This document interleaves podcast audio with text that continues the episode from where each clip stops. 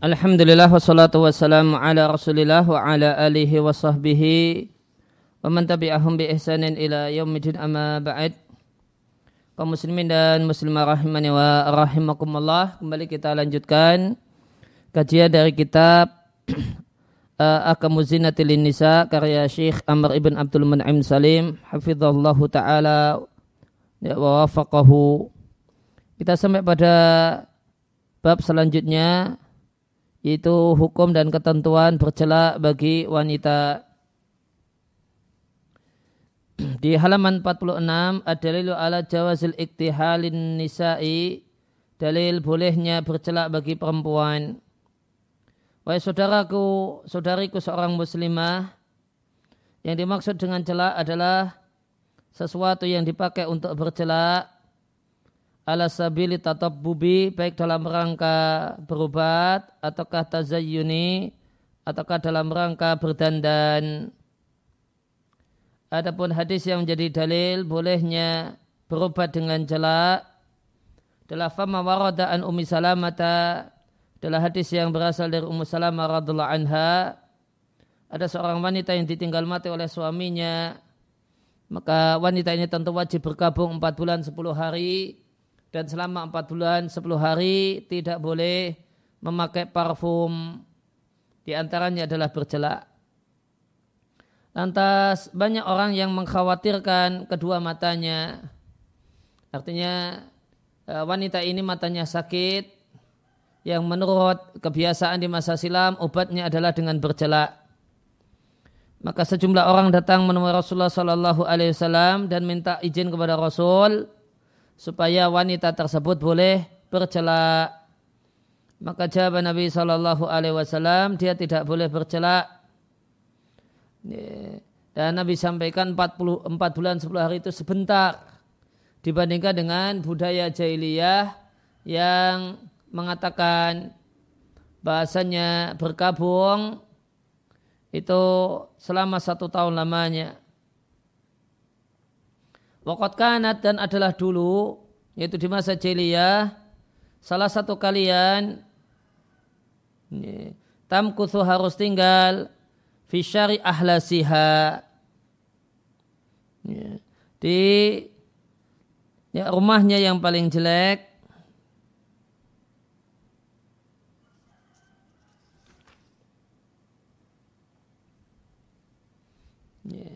Karena di masa jahiliyah uh, seorang wanita, seorang istri yang berkabung itu akan ditaruh di satu rumah kecil yang sangat sederhana atau gubuk gitu. Nah ini yang Nabi sampaikan di sini dengan sebutan syaru ahlasiha.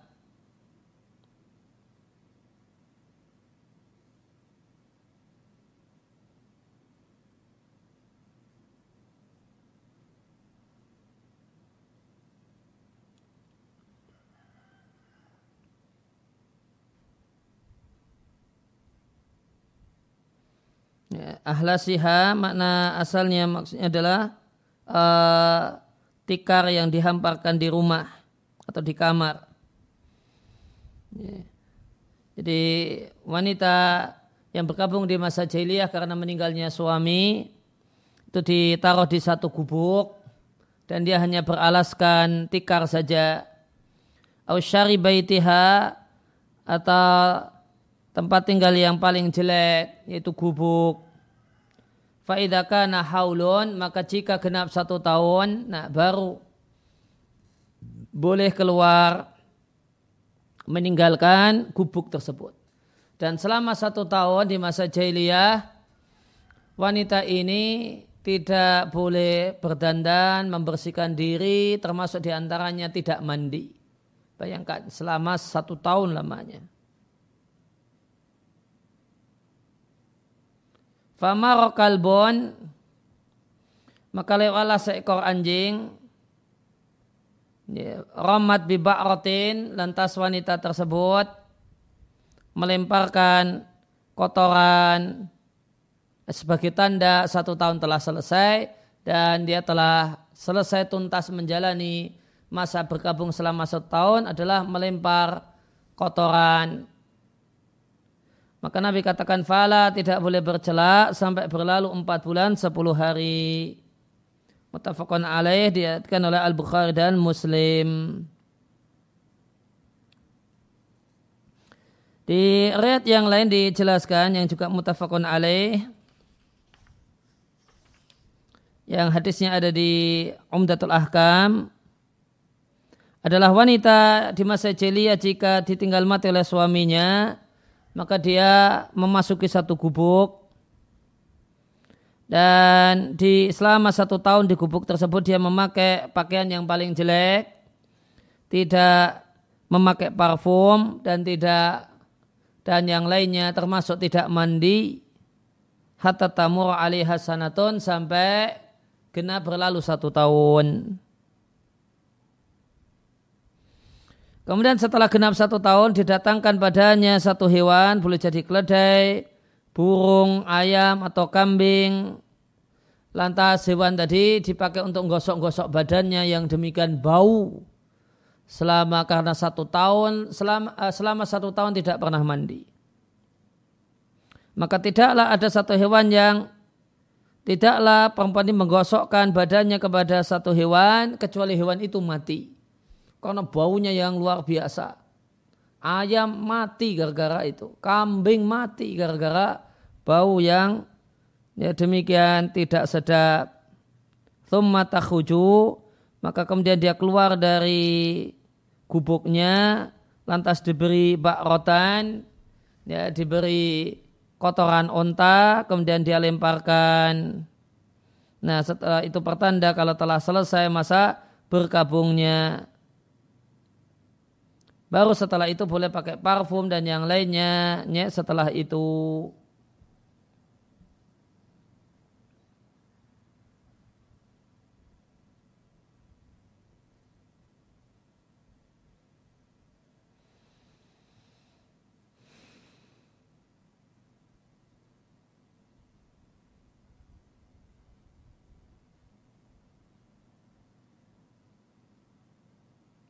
Nah kenapa dia melempar ba'rah uh, tai unta maka jika telah berakhir telah selesai satu tahun maka perempuan ini akan diberi tai unta kemudian dia lemparkan tai unta tersebut.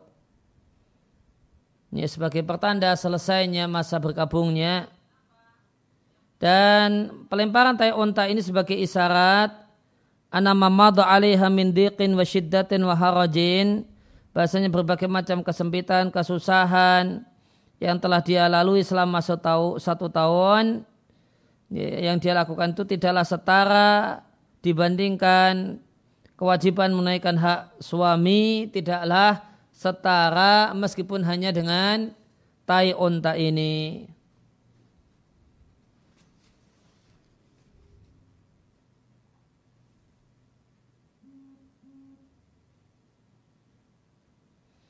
Yeah.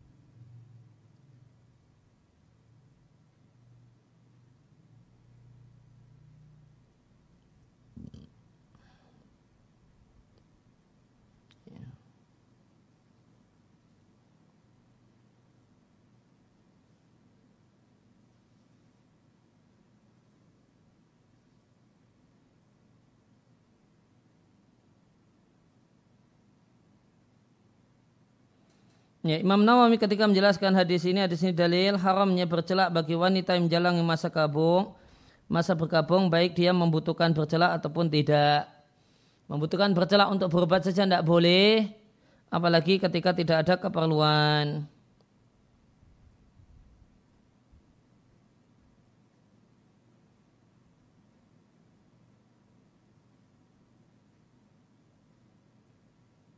Fakhosyau ala aini ala ainiha mengkhawatirkan matanya. Artinya dia sakit mata yang demikian parah sampai ada kekhawatiran itu akan bahaya bagi matanya.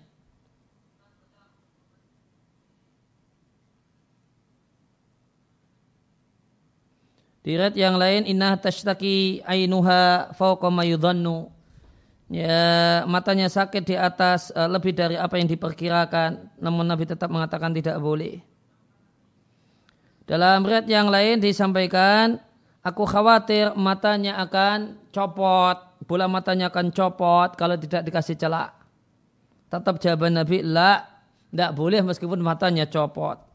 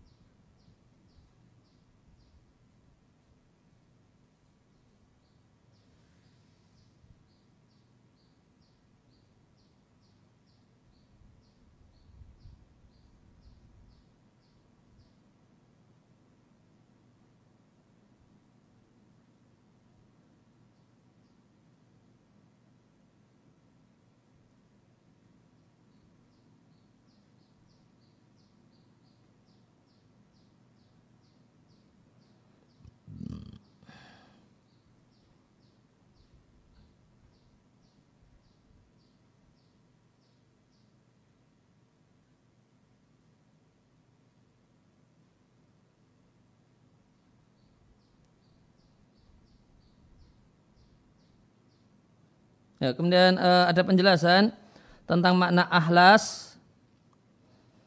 Ya, maknanya adalah asau awil kisah uraqiq, kain yang tipis. Ya, yakunu tahta barda'ah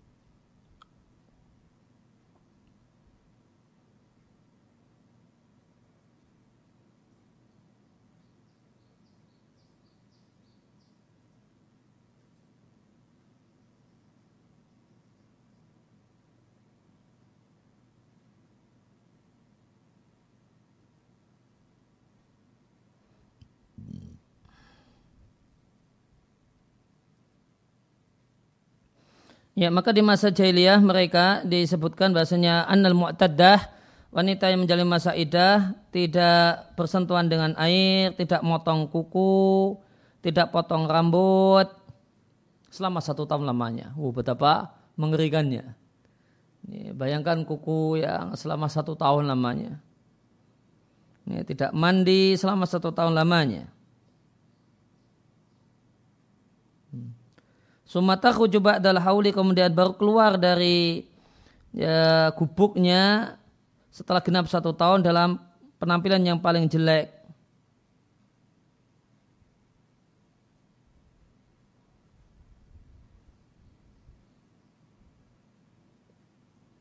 Ini, kemudian uh,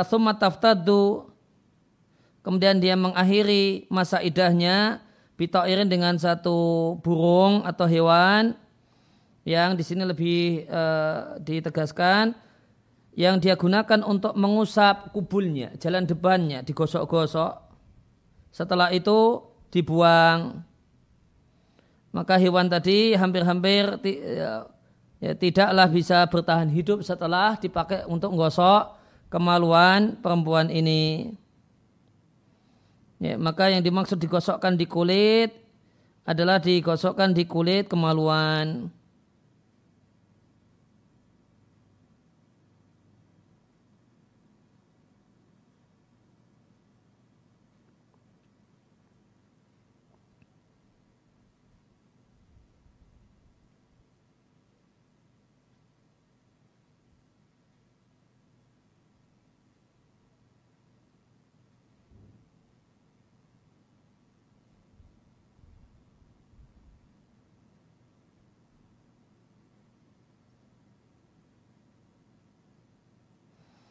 Nah kemudian berkenaan dengan kalimat ini yang agak uh, menimbulkan tanda tanya, fama rokalbun.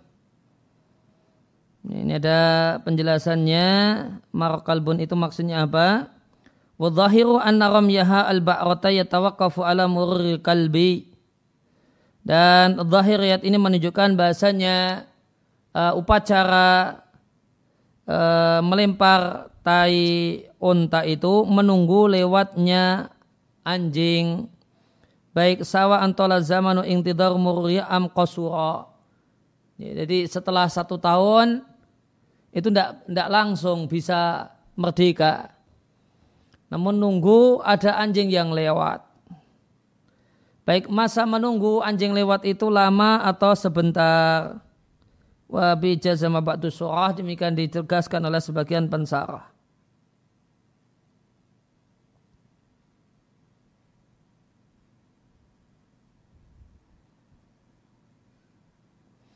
Namun ada yang menjelaskan, jadi tai onta tersebut tarmi biha man arada min kalbin. Digunakan untuk melempar anjing yang lewat, anjing atau hewan yang lain yang yang lewat. Ya, yang tujuannya adalah wanita ini ingin memperlihatkan pada orang yang hadir dan ada bahasanya keberadaan dia di gubuk itu selama satu tahun itu lebih ringan baginya, lebih rendah dibandingkan tai onta yang digunakan untuk melempar anjing atau yang lain.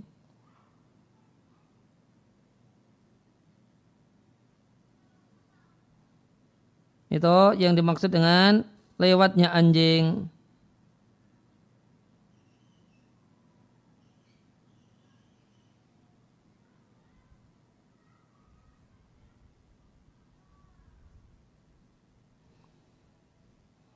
Nah.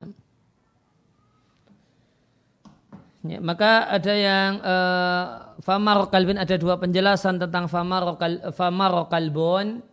Ya, penjelasan yang pertama ya uh, upacara melempar ya, melemparkan tai onta ba'rah itu ya, adalah setelah satu, satu tahun dan nunggu anjing lewat. Versi yang lainnya ya pokoknya uh, diberi tai onta kemudian dipakai untuk melempar sesuatu yang lewat anjing atau yang lainnya anjing, ayam, kucing yang lewat nah itu dilempar. Itu makna hadis. Kembali ke buku wa madalla 'alal jawazi tazayyuni bihi.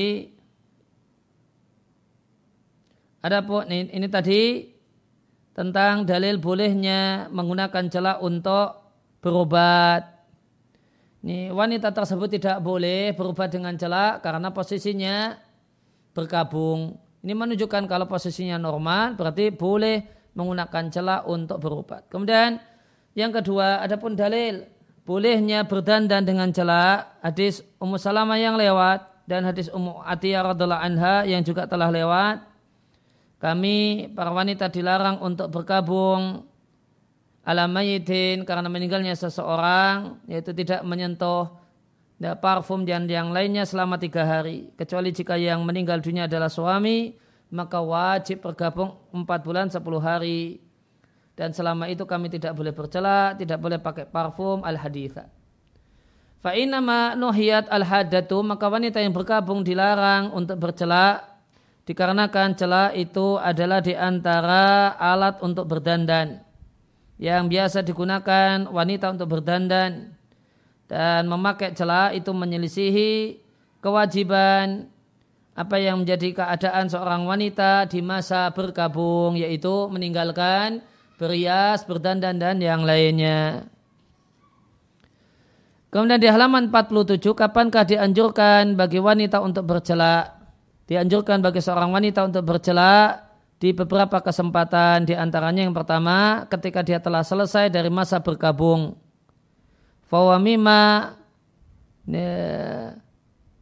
karena celak itu adalah di antara benda ya, yang uh, tunha anhu al-hadatu seorang wanita itu dilarang untuk menggunakannya. Dan dia bisa menegaskan kalau masa berkabungnya telah selesai dengan memakainya meskipun tidak ada kebutuhan sebagaimana hadis yang telah pernah kita baca ya, istri Nabi uh, ya, mereka ketika berkabung ketika masa berkabung karena saudaranya itu selesai maka dia minta parfum dalam rangka menegaskan kalau sudah tidak lagi berkabung.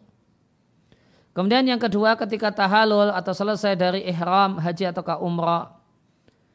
Maka dalam hadis Jabir bin Abdullah radhiallahu anhu tentang tata, tata cara haji Nabi Shallallahu Alaihi Wasallam, maka saat hajatul wada Ali bin Abi Thalib berangkat hajinya tidak dari Madinah namun dari Yaman.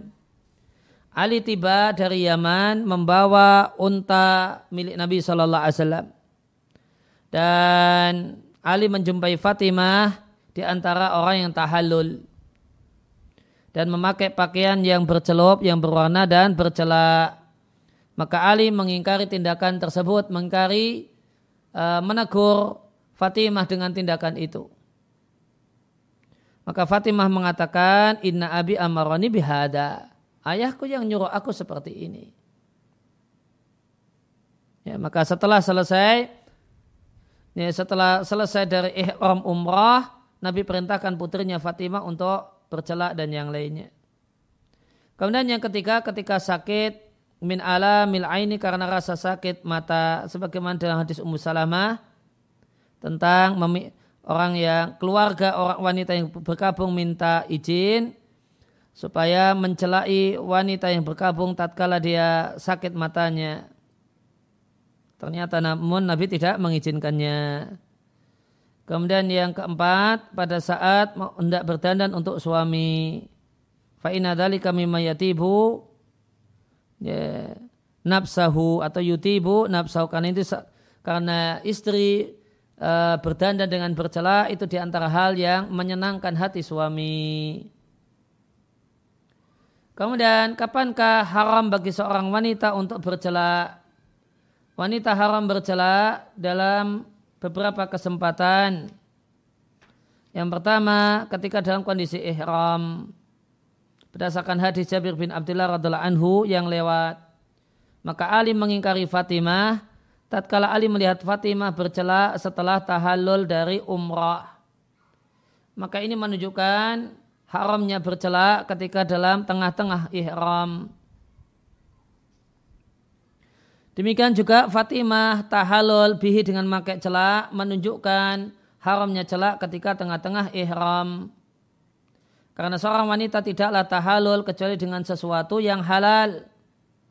Dengan sesuatu ya, tidak boleh tahalul dengan sesuatu yang halal saat kondisi ihram. Hanya bisa tahalul dengan sesuatu yang haram saat ihram. Dan di antara hal, hal yang haram saat ihram adalah celak. Kemudian yang kedua, demikian juga haram atas wanita bercela saat dia dalam kondisi hadah masa berkabung. Baik masa berkabung yang wajib karena meninggalnya suami 4 bulan 10 hari ataukah masa berkabung yang sunnah semacam meninggalnya ayah dengan maksimal masa berkabung tiga hari tiga malam. Berdasarkan hadis Ummu Atiyah radhiallahu anha yang isinya wala naktahilu dan kami tidak ya, dan kami tidak boleh bercela. Kemudian yang ketiga, demikian juga tidak boleh seorang wanita menampakkan celak matanya di hadapan lelaki ajnabi. Lelaki yang bukan mahramnya. Baik celak, eh, baik wanita tersebut memasang celak dalam rangka berobat atau dalam rangka berdandan.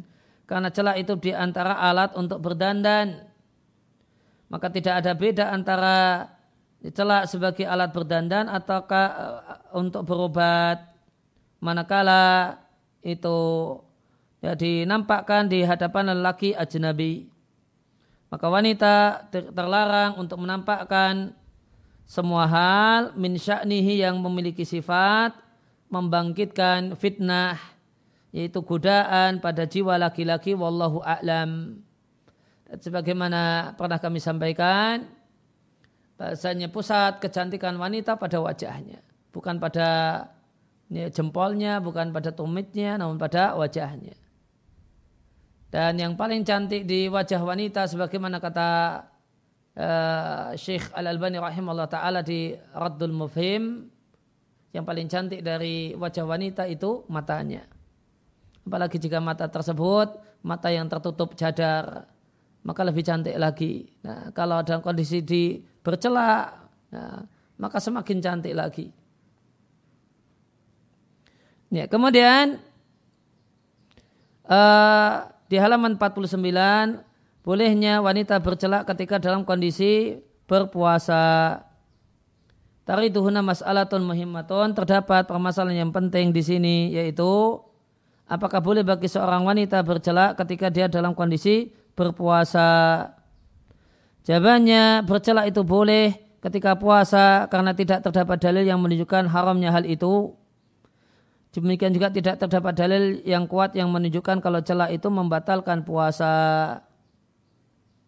Adapun hadis yang diatkan dari Nabi Shallallahu Alaihi Wasallam, di mana Nabi memerintahkan untuk bercelak dengan ismit, ya, ya, pada saat hendak tidur, namun kemudian Nabi mengatakan hendaknya orang yang berpuasa jaga diri darinya, maka ini adalah hadis yang daif tidak valid la takumu bil hujah tidak bisa digunakan sebagai hujah.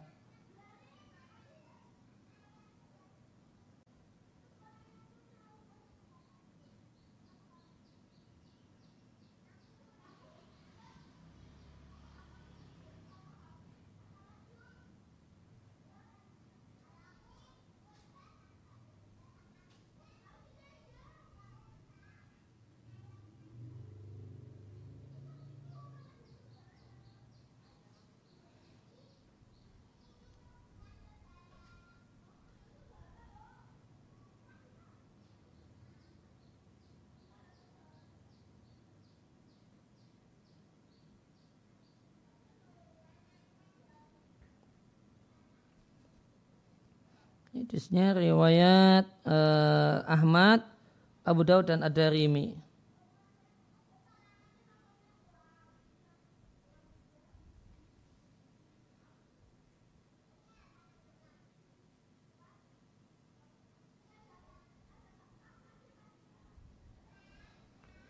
Uh, ismit murawah, itu ada kata-kata ismit murawah Ithmit murawah itu maknanya adalah wa walladhi udifa ilaihi al-miskul khalis. Ya. ya itulah uh, ithmit yang ditambahkan campuran berupa kasturi murni. Jadi kasih parfum kasturi.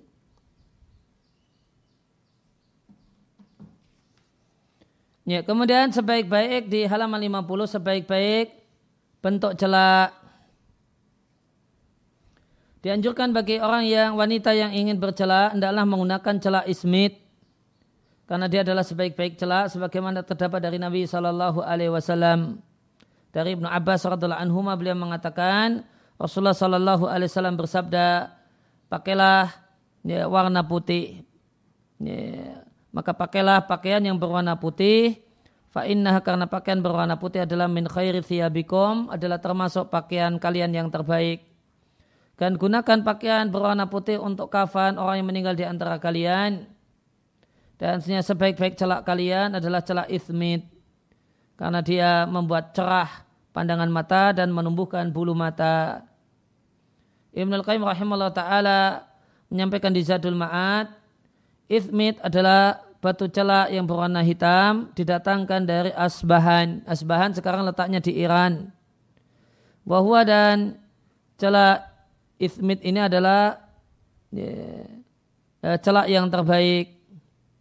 Wayukta dan juga didatangkan dari daerah timur, dari dari daerah barat. Wa ajwaduhu dan ismit yang paling bagus itu yang cepat rontoknya.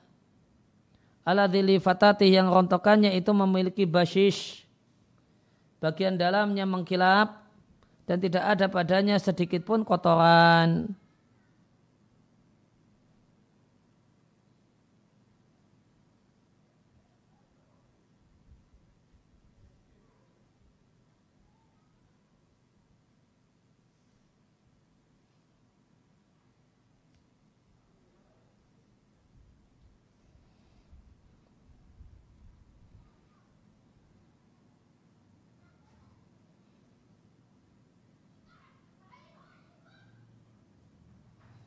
Basis itu cahaya.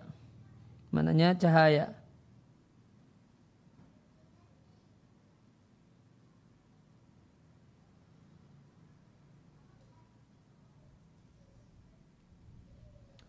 Wa mizaju dan unsur penyusunnya ismit itu baridun, dingin, ya bison kering, manfaat bagi mata dan menguatkan mata, menguatkan urat-urat mata dan menjaga kesehatan mata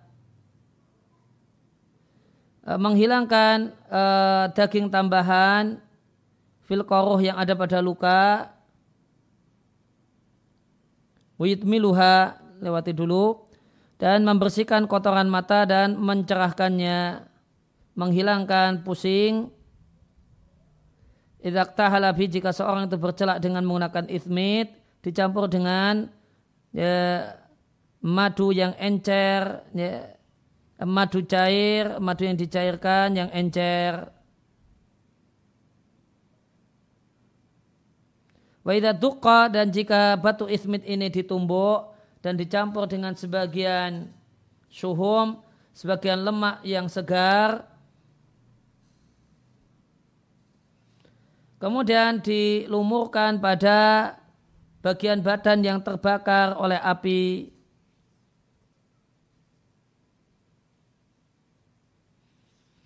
maka bagian badan yang terkena api tadi tidak akan uh, tidak akan mengalami khoshka rishah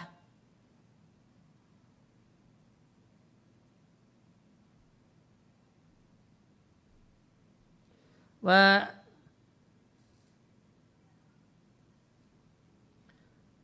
wa nafa'a minat tanafuti al hadis bisababihi itu lewati wahwa ajwadul akhalil aini dan ini adalah celak mata yang paling bagus terutama bagi orang-orang tua dan orang-orang yang lemah pandangannya. Idza ju'ila ma'ahu jika dijadikan bersama ithmit syai'un al miski campuran sedikit misek sedikit kasturi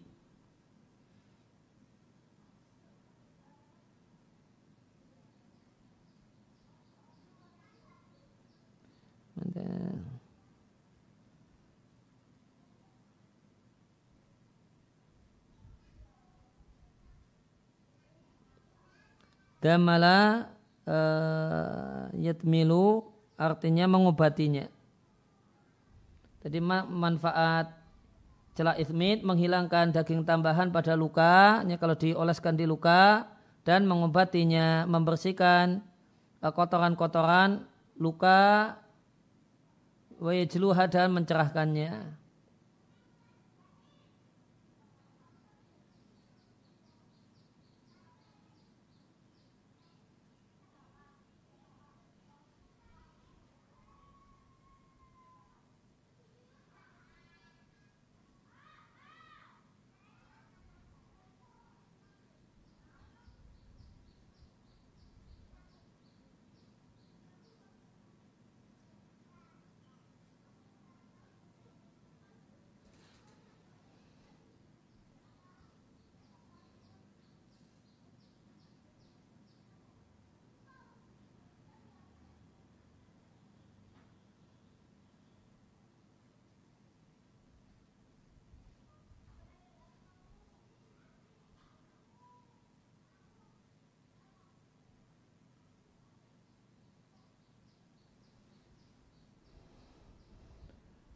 Kemudian tadi ada kalimat wa nafa'a minat tanafut al hadis bisa babihi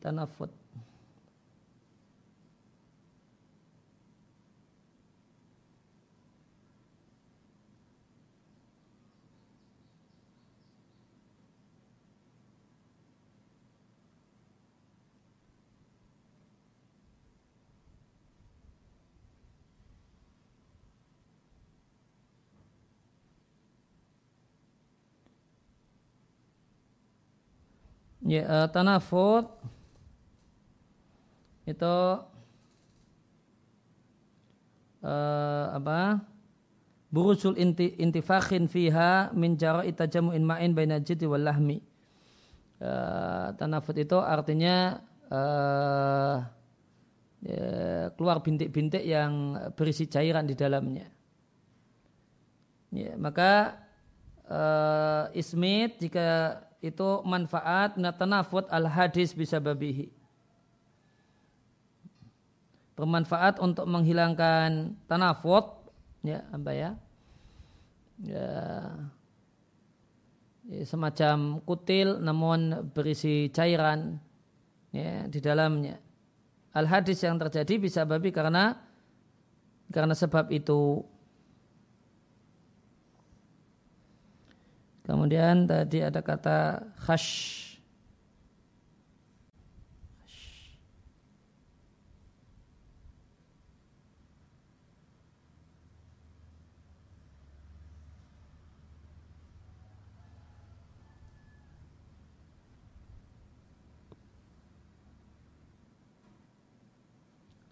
Khash Kari Syah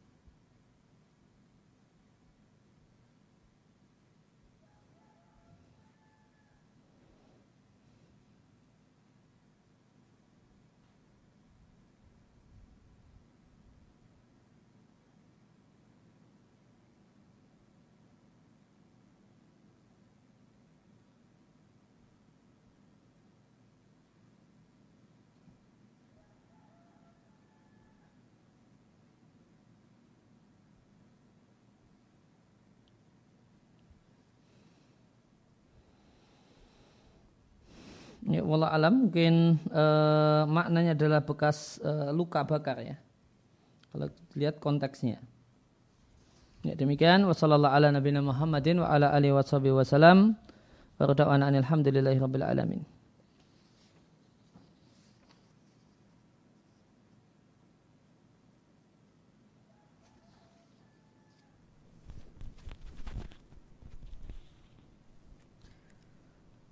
Baik saat uh, eh, sudah ada beberapa pertanyaan yang telah masuk ke akun uh, dan insya Allah akan kami bacakan. Untuk pertanyaan yang pertama saat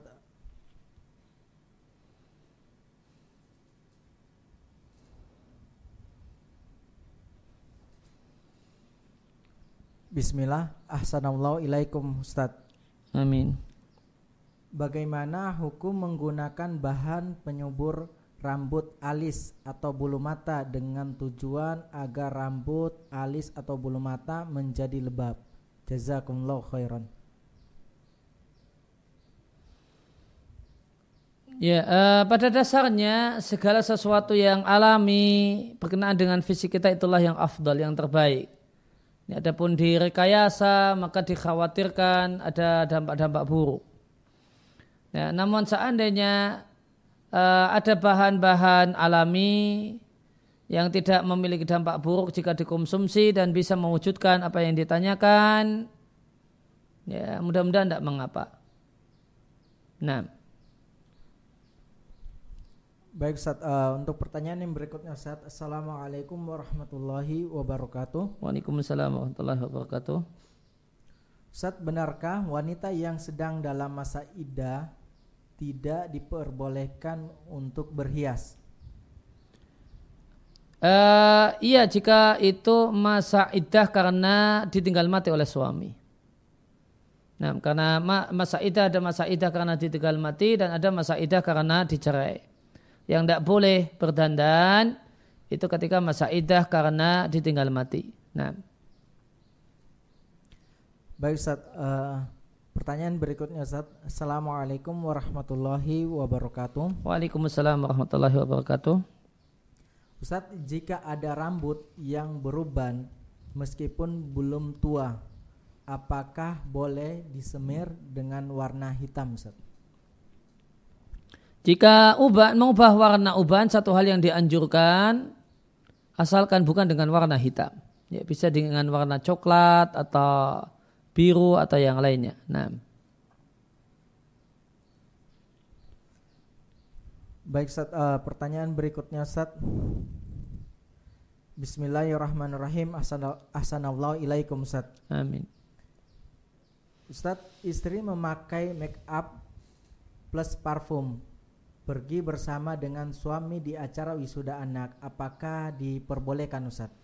Jawabannya tidak diperbolehkan karena tentu di acara wisuda ini istri berjumpa dengan banyak laki-laki ajnabi.